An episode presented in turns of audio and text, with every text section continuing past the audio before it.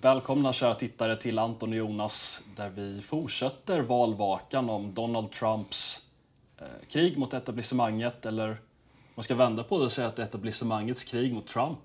Ja, Joe Biden har inte erkänt sin uh, valförlust här i samband det, vi, vi vet inte, det här är ju eh, rent uh, spekulativt. Det vi vet är att valvakan de facto fortsätter Eh, etablissemanget med allt vad det innebär, mediehus, eh, det politiska etablissemanget, det är big tech, de stora bolagen vill, eh, vill eller vill, de, de har gått ut och tagit segern i förskott och sagt att eh, Joe Biden är president-elect men det är han inte. Utan president-elect är så for, eh, först när den eh, motstridande parten har medgivit sig och har sett sig besegrad.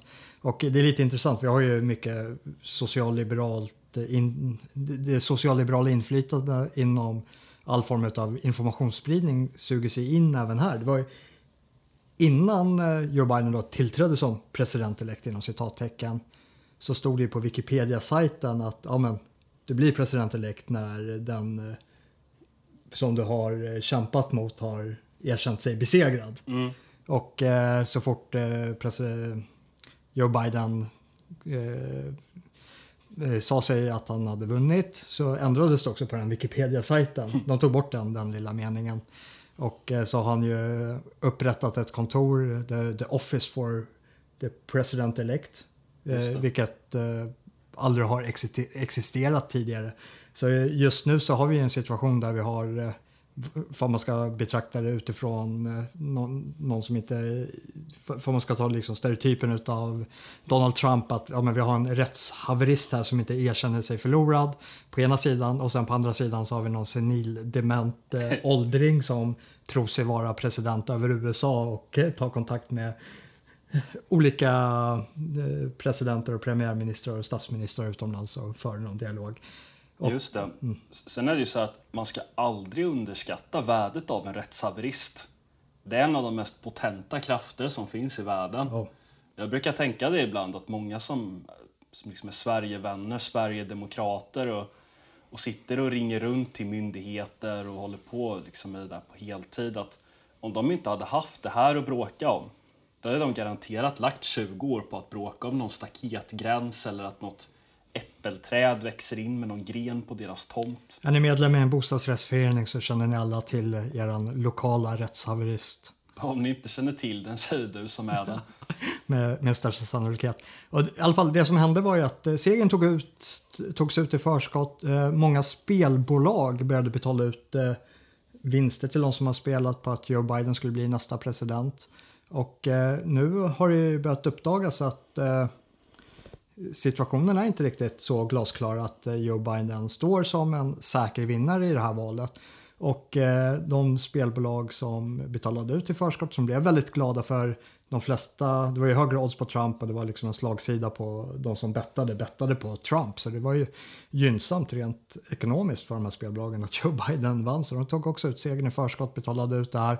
Och eh, nu vet jag inte om alla spelbolag har gjort det men eh, vissa spelbolag har ju väntat och hållit på det här tills det blir ett officiellt beslut. Eh, Unibet menar ju på att det var ett officiellt beslut för att eh, de olika med, stora mediehusen gick ut och sa att Joe Biden hade vunnit. Men det är inte mediehusen som eh, avgör vem som eh, vinner eh, det amerikanska presidentvalet och det är inte nödvändigtvis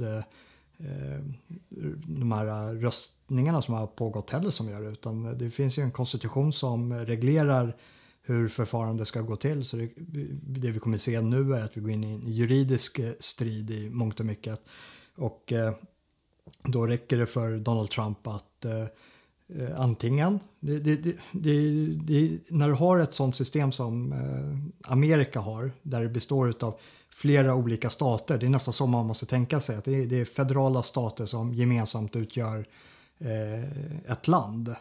Och eh, det finns väldigt många olika former av checks and balances i det här och det finns många olika sätt att eh, eh liksom vara bångstyrig ifall saker inte ting riktigt går som, eh, som man vill. Och det gör hela det amerikanska systemet ganska trögflytande. Och eh, det är ju tänkt att det ska vara trögflytande för att man ska vaccinera sig mot för snabba förändringar. Och allting då ska orientera sig tillbaka till eh, konstitutionen som då utgör någon form av gravitationskraft som eh, allting måste liksom kunna härledas till.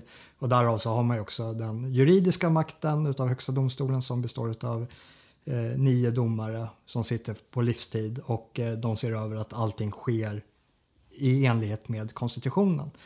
Så finns det en misstro till eh, valresultatet i eh, någon delstat, ja, men då faller det på, i första hand på den lagstiftande församlingen i den egna delstaten på att eh, Eh, först eh, certifiera de här rösterna eller inte och gör de det inte, om då kan de skicka egna elektorsröster till eh, den federala kongressen.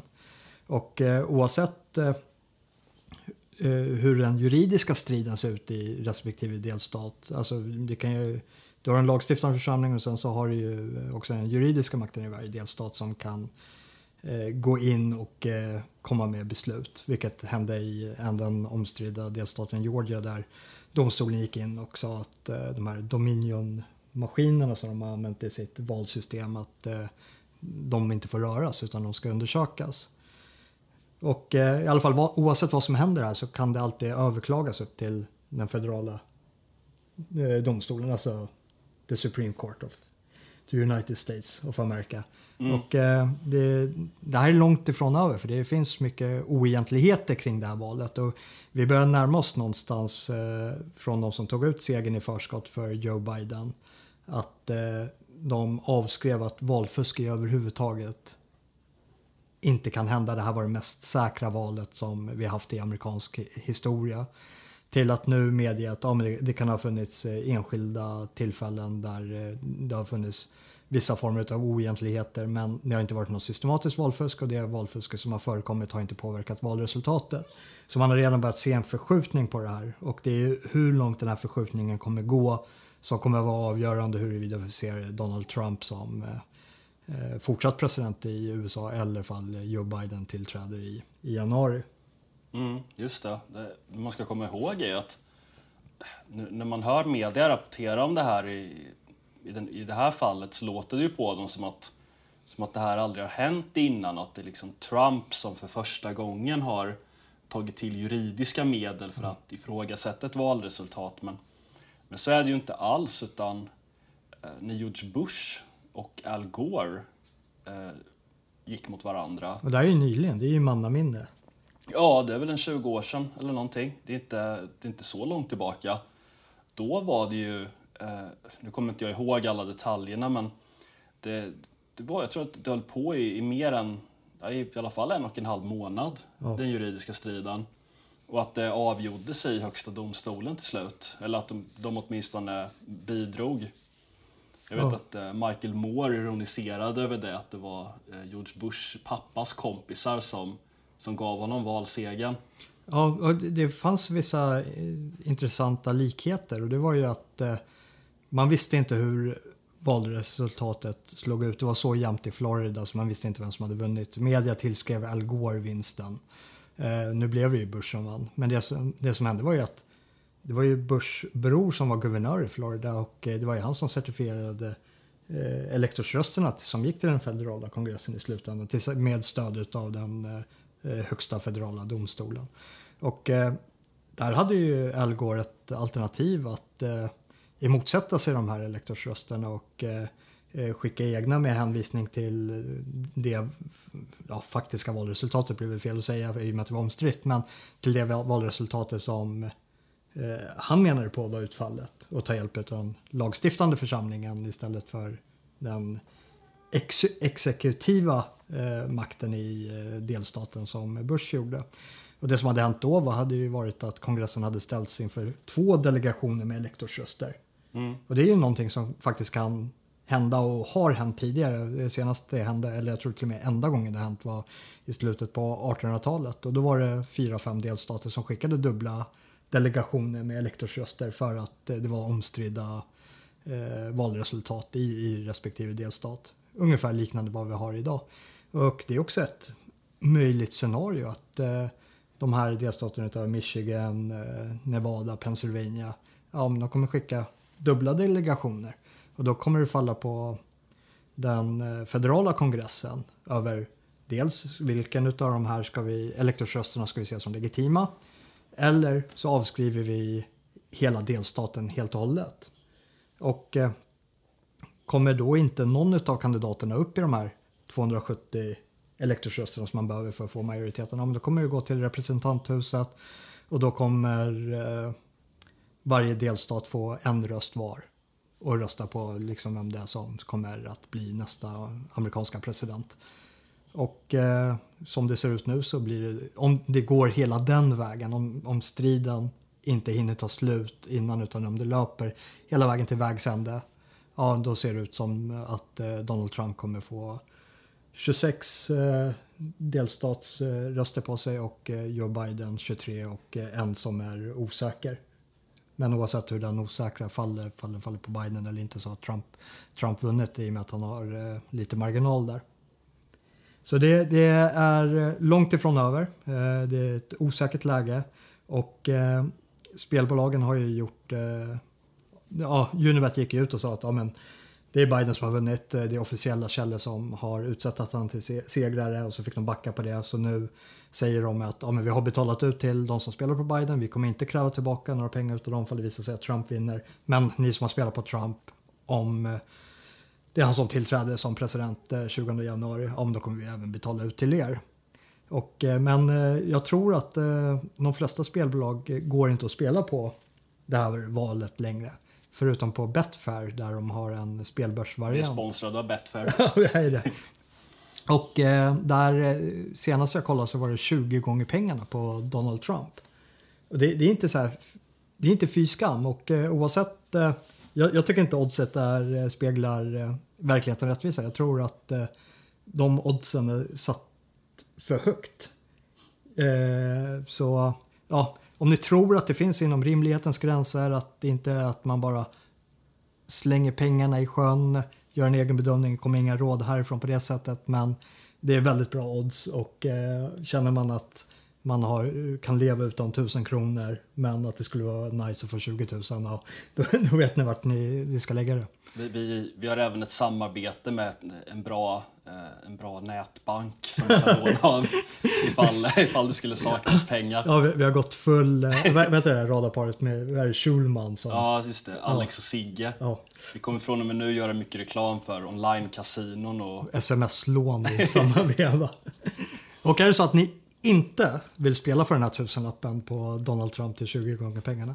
Då kan ni stödja Palestra Media Produktion med den istället. Och eh, det går bra att swisha in eller eh, skicka in via något, något annat eh, betalningssätt som vi lägger länkar i beskrivningen Precis. här under.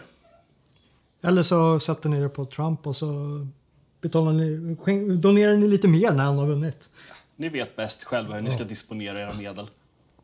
Eh, men i alla fall, det, det som har kommit upp i, i valfuskväg, som, som vi var inne på lite tidigare, att Eh, nu börjar man prata i termer om att om det har förekommit de facto valfusk. Eh, eh, etablissemanget kan inte förneka det utan det, det är de, de nedspelare och menar på att det har förekommit individuella fall av oegentligheter. Och det finns ett, en forskningsrapport som har kommit ut som, eh, ja, som, som är, eh, det, det, är några professorer som har gått samman och eh, skrivit en forskningsrapport som påpekar vissa anomalier i statistiken eh, i de här omstridda delstaterna. Och eh, det som kan vara bra att ta i beaktande är att det är att Joe Biden underpresterade. Joe Biden, i fall man nu ska tro på det här valresultatet, så är han den president som har fått mest valröster eh, i hela Amerikas historia. Ja, det, det, det reagerar jag på. Ja, det är 80 miljoner. Det är många, jag vet inte om det är 10 miljoner mer än vad som röstade på eh, Obama 2012. Jag, jag, är inte säker på den siffran, men, men det rör sig där någonstans. Och Obama var en oerhört karismatisk och populär presidentkandidat. Ja, verkligen. Jag måste säga det att jag, jag, jag har lyssnat en hel del på Magnus Stenlund på Sveb TV. Jag tycker han sa något, något bra där om om det här. För man försöker sätta sig in i det amerikanska valsystemet. Så jag har försökt följa mycket, mm. framförallt på en, en sida som heter Epoch Times, där de rapporterar mycket om det här. Och då, då, slår, då slår det mig hur, liksom, hur svårt det blir när det går liksom in på detaljnivå. Att någon, någon domstol har fattat något beslut i, i Pennsylvania om, om någonting. Liksom. Det, det blir liksom svårt att följa med för man har inte den detaljkunskapen. Men det som ändå går att göra det är att liksom gå till logiken och titta på vad är det som verkar rimligt och vad är det som inte verkar rimligt. Jag menar, Barack Obama var ju en liksom, rockstjärna inom politiken. Jag, jag står inte liksom överens med, jag är inte överens med hans politik och, och han, han, han infriade ju inte riktigt sina löften. Han gjorde väl, han blev en större besvikelse än vad man liksom någonsin får kalla Donald Trump. Men, men Barack Obama var ju när han kom en politisk rockstjärna. Och det, det, verkar bara orimligt på något sätt att Joseph Biden som är en mycket grå figur, en sån här klassisk kompromisskandidat. Du, du missar en väldigt viktig poäng här i det här avseendet. Mm. Och det var att Joe Biden kandiderade med Obama som vicepresidentskandidaten. Så om man ska tro på det här resultatet så är det nog inte allt för långsökt att göra läsningen att det var Biden som lyfte upp Obama. Du kan ju inte mena det. Nej, inte, inte, inte alls. Inte på långa vägar. Men det vore kul att... Jag väntar på att den artikeln ska komma. Oh. Där någon så här ägnar sig åt lite... Jag vet inte, typ Lena Andersson på Svenska Dagbladet skriver någonting om att det var Biden som lyfte Obama. som ett slag då för mittenpolitiken oh. och den baserade centrismen. Ja, det, det där stör mig. Alltså, har vi haft en eh, centrist... Eh, Eh, Eh, kandidat eh, under senaste tiden i Amerika så är, är det Trump. Och eh, det här exemplet liksom påvisar det lite att Trump är en stark centristkandidat. Så jag håller inte med om utgångspunkten att han skulle vara någon så här alt-right eller högerextremist eller bokstavligt talat Hitler som många av de här socialliberalerna gör gällande. Och eh, kollar man då på det här valresultatet så har Joe Biden, han har inte bara underpresterat i alla områden mot eh, Obama utan han har även underpresterat i alla counties mot Hillary Clinton.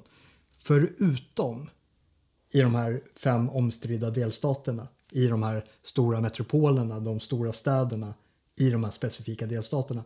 Eh, till exempel i Detroit eh, som är eh, dominerat utav då, afroamerikaner. Och då menar de på att ja, men de här afroamerikanerna de är ju, de är ju less på sexismen från Trump, från rasismen från Trump. Men då hör det också till att det, det, det är en intressant eh, anomali som liksom gör att man kan ifrågasätta. Det kommer gå ihop med den här forskningsrapporten också det, i deras resultat. Jag lägger en länk till deras rapport i beskrivningen här under så kan ni läsa igenom den eh, själva. Men eh, det är ju att Trump är ju den republikanska kandidat någonsin tror jag, eller åtminstone på liksom en 60-årsperiod som har fått flest minoritetsröster. Mm. Både i faktiska tal och i procenttal. Och det är intressant att göra skillnad mellan faktiska tal och procenttal på grund av befolkningsökningen. Men alltså han har fått flest i procentuella tal. Alltså han är den mest republikanska kandidaten som är mest populär bland latinos och bland afroamerikaner. Och så ser man den här fullständiga eh, märkliga utgången av att Joe Biden underpresterar Obama och Clinton i alla eh, områden förutom i de här områdena som är omstridda. De här områdena de är inte omstridda på grund av det utan de är omstridda på grund av eh, vad den här rapporten då slår fast. att eh, jag, Ni får ursäkta engelskan och jag kommer inte texta till svenska för, för er äldre som eh, eh, dels inte hänger med på min engelska eller kan engelska. Men eh, Nej, jag återger det på svenska istället. Eh, det som gör de här delstaterna eh, till att de är omstridda beror på att alla de här delstaterna, Michigan, Wisconsin, Georgia eh, och sen, nu har jag inte, ifall det var i Nevada också, ja, jag, jag lämnar den fjärde, fjärde osagt. Men det var att de stängde ner rösträkningen i de här delstaterna på natten. De skickade hem rösträknarna och sen fick alla inom ett loppet av uh, ungefär en 3-4 timmars period en uh, en surge. En, sur alltså en, så här, en röstdumpning med hundratusentals röster för nästan enbart Biden. Mm. Vilket gjorde att uh, det bara spikade upp för den och ingenting till Trump. Och det är det som har gjort att de här forskarna har varit, valt att gå in och kolla i de här countiesarna. Jag, ni, ni, ser lite i grafikerna som, som jag lägger in här.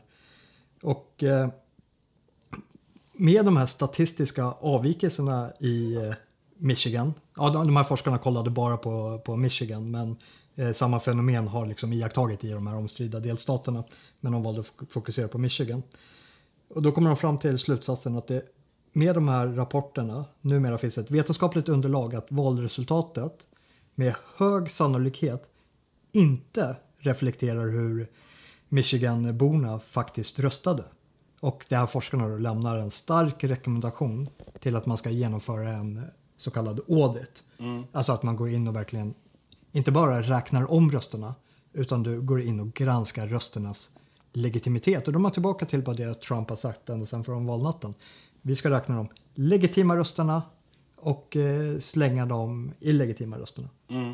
Ja, men jag säga två saker. Dels jag kollade ju på presskonferensen där, med, eller något hearing eller vad man kallar det med Rudy Giuliani som oh. är Trumps advokat. Han pratade om det här att i en av de här dumparna med röster så är det 570 000 för Biden, oh. ungefär 3 000 för Trump.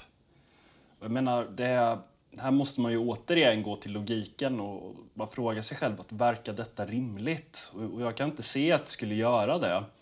Så kan man också göra följande tankeexperiment att om motsatsen hade gällt, att om det hade varit så att det hade varit 570 000 Trump-röster och 3 000 på Biden, hade den andra sidan accepterat det utan vidare? Det vågar jag tro att de inte hade. Jag, jag, jag, jag har fyra sådana updates här som, som jag ser.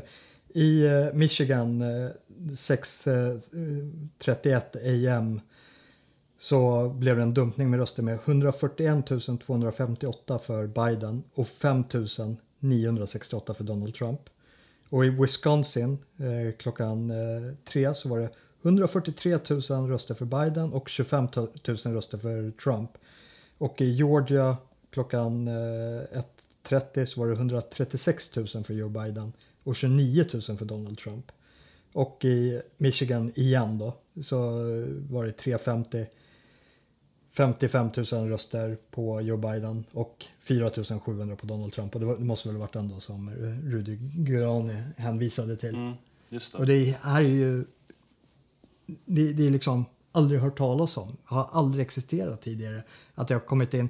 Eh, det var det som var intressant med forskningsrapporten varför, varför de väckte frågan. För avvikelser kan komma i form av att det kommer en dumpning men då brukar den liksom reflektera ungefär den övriga statistiken över hur folk har röstat, vilket det här definitivt inte gör. Och eh, sen så kan du ha små valdistrikt som, där det inte är de här stora dumpningar och där kan man se ganska stora avvikelser. Så det som gör det här så fruktansvärt unikt och till den graden att det kan inte existera. Varpå de här forskarna säger att ja, men det enda vi kan komma fram till är att det är högst osannolikt att det här reflekterar inte folkviljan i Michigan utan vi måste gå in och granska det här. är ju att ja, men det är både och. Det är dumpningen och den här enorma avvikelsen över hur folk eh, i gemen har röstat i övrigt. Mm. Ja, det, jag, kan, jag kan inte tycka att det skulle vara att det är märkligt egentligen att man bara ställer sig de här frågorna. Nej. Därför att det här är ju frågor som låter sig ställas. Det, det är ju inte konstigt egentligen. Nej, det, det, det har varit en eh, det har varit en väldigt märklig, eh, eller märklig, det är väl fel ord, men jag tycker det har varit en ganska anmärkningsvärd medierapportering av det här. Man, man borde ju inte ha förväntat sig någonting annat, men med tanke på att man från alla håll och kanter gick in och eh, eller under, under flera års tid pushade ett narrativ om att eh, Trump hade vunnit som en följd av rysk valpåverkan. Eh, men, men sen då, det, det höll man på med i flera år men, men det här, när, när Trump då eh, ifrågasätter och via, via sina juridiska ombud försöker få, få rätsida på det här, eh, då är det ett totalt underkännande av demokratin från Trumps sida. Jag måste väl säga att det framstår som ett oerhört hyckleri. Ja, men sen, det stannar ju inte bara där, utan de här stora big tech-företagen och sociala medieplattformarna som utgör våra liksom cybertorg där informationsflödet Liksom, det, det är där vi utbyter informationen. de har ju gått in och börjat censurera det här. Mm.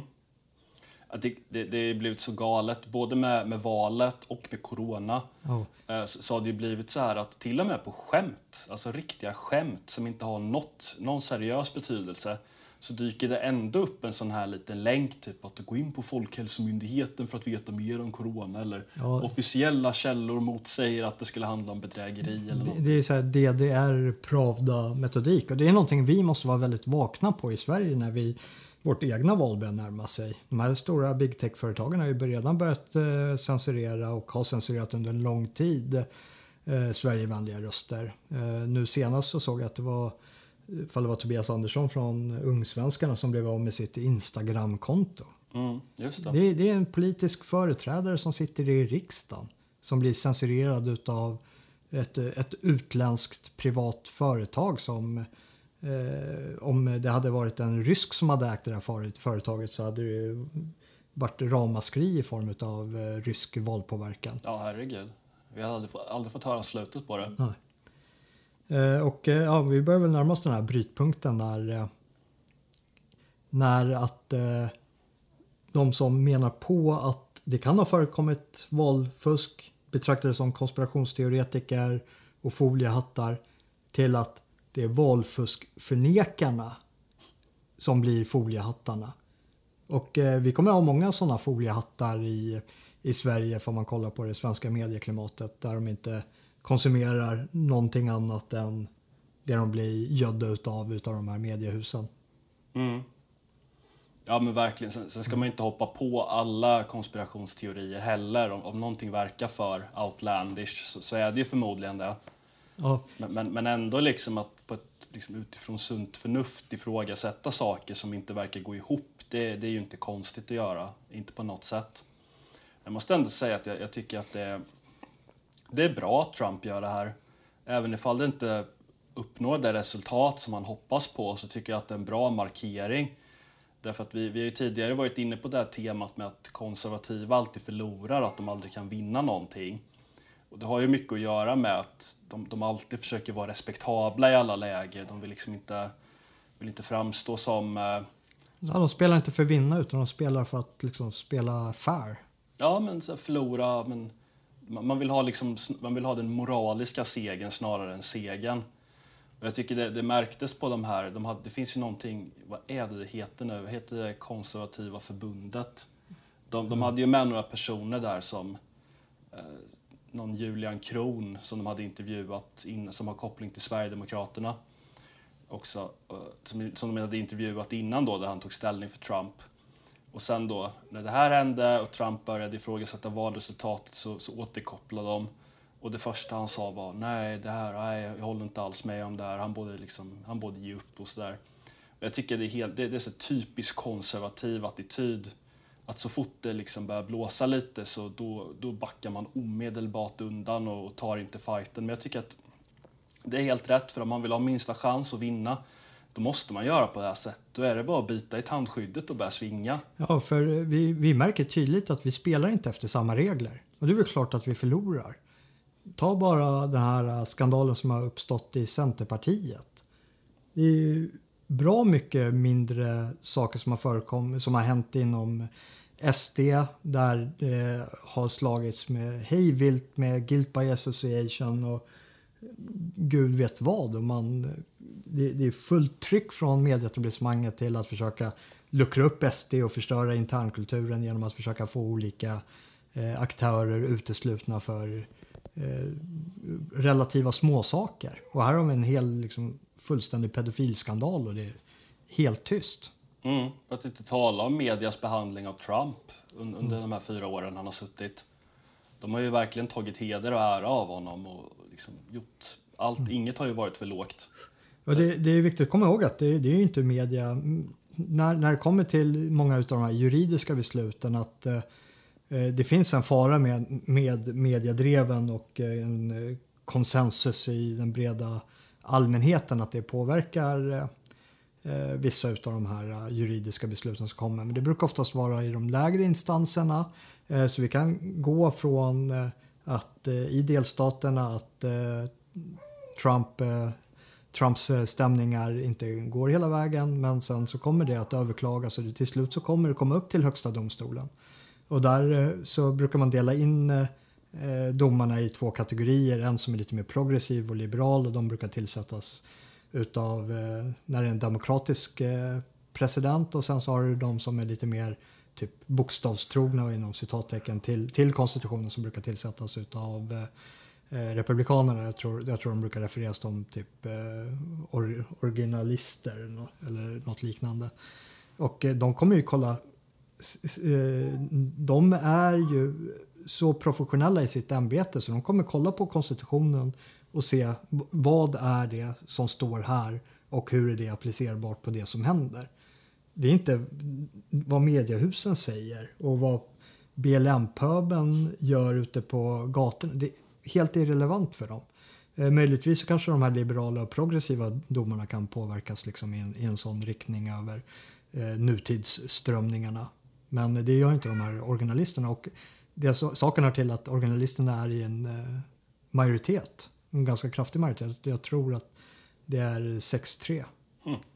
Det är Ja, så, så det, det, en bra sak som Trump ja. genomfört under sin... Att han har tillsatt ett par av de här konservativa domarna. Och det är där som ramaskrin har varit med eh, Demokraterna. Att eh, han har lyckats tillsätta de här.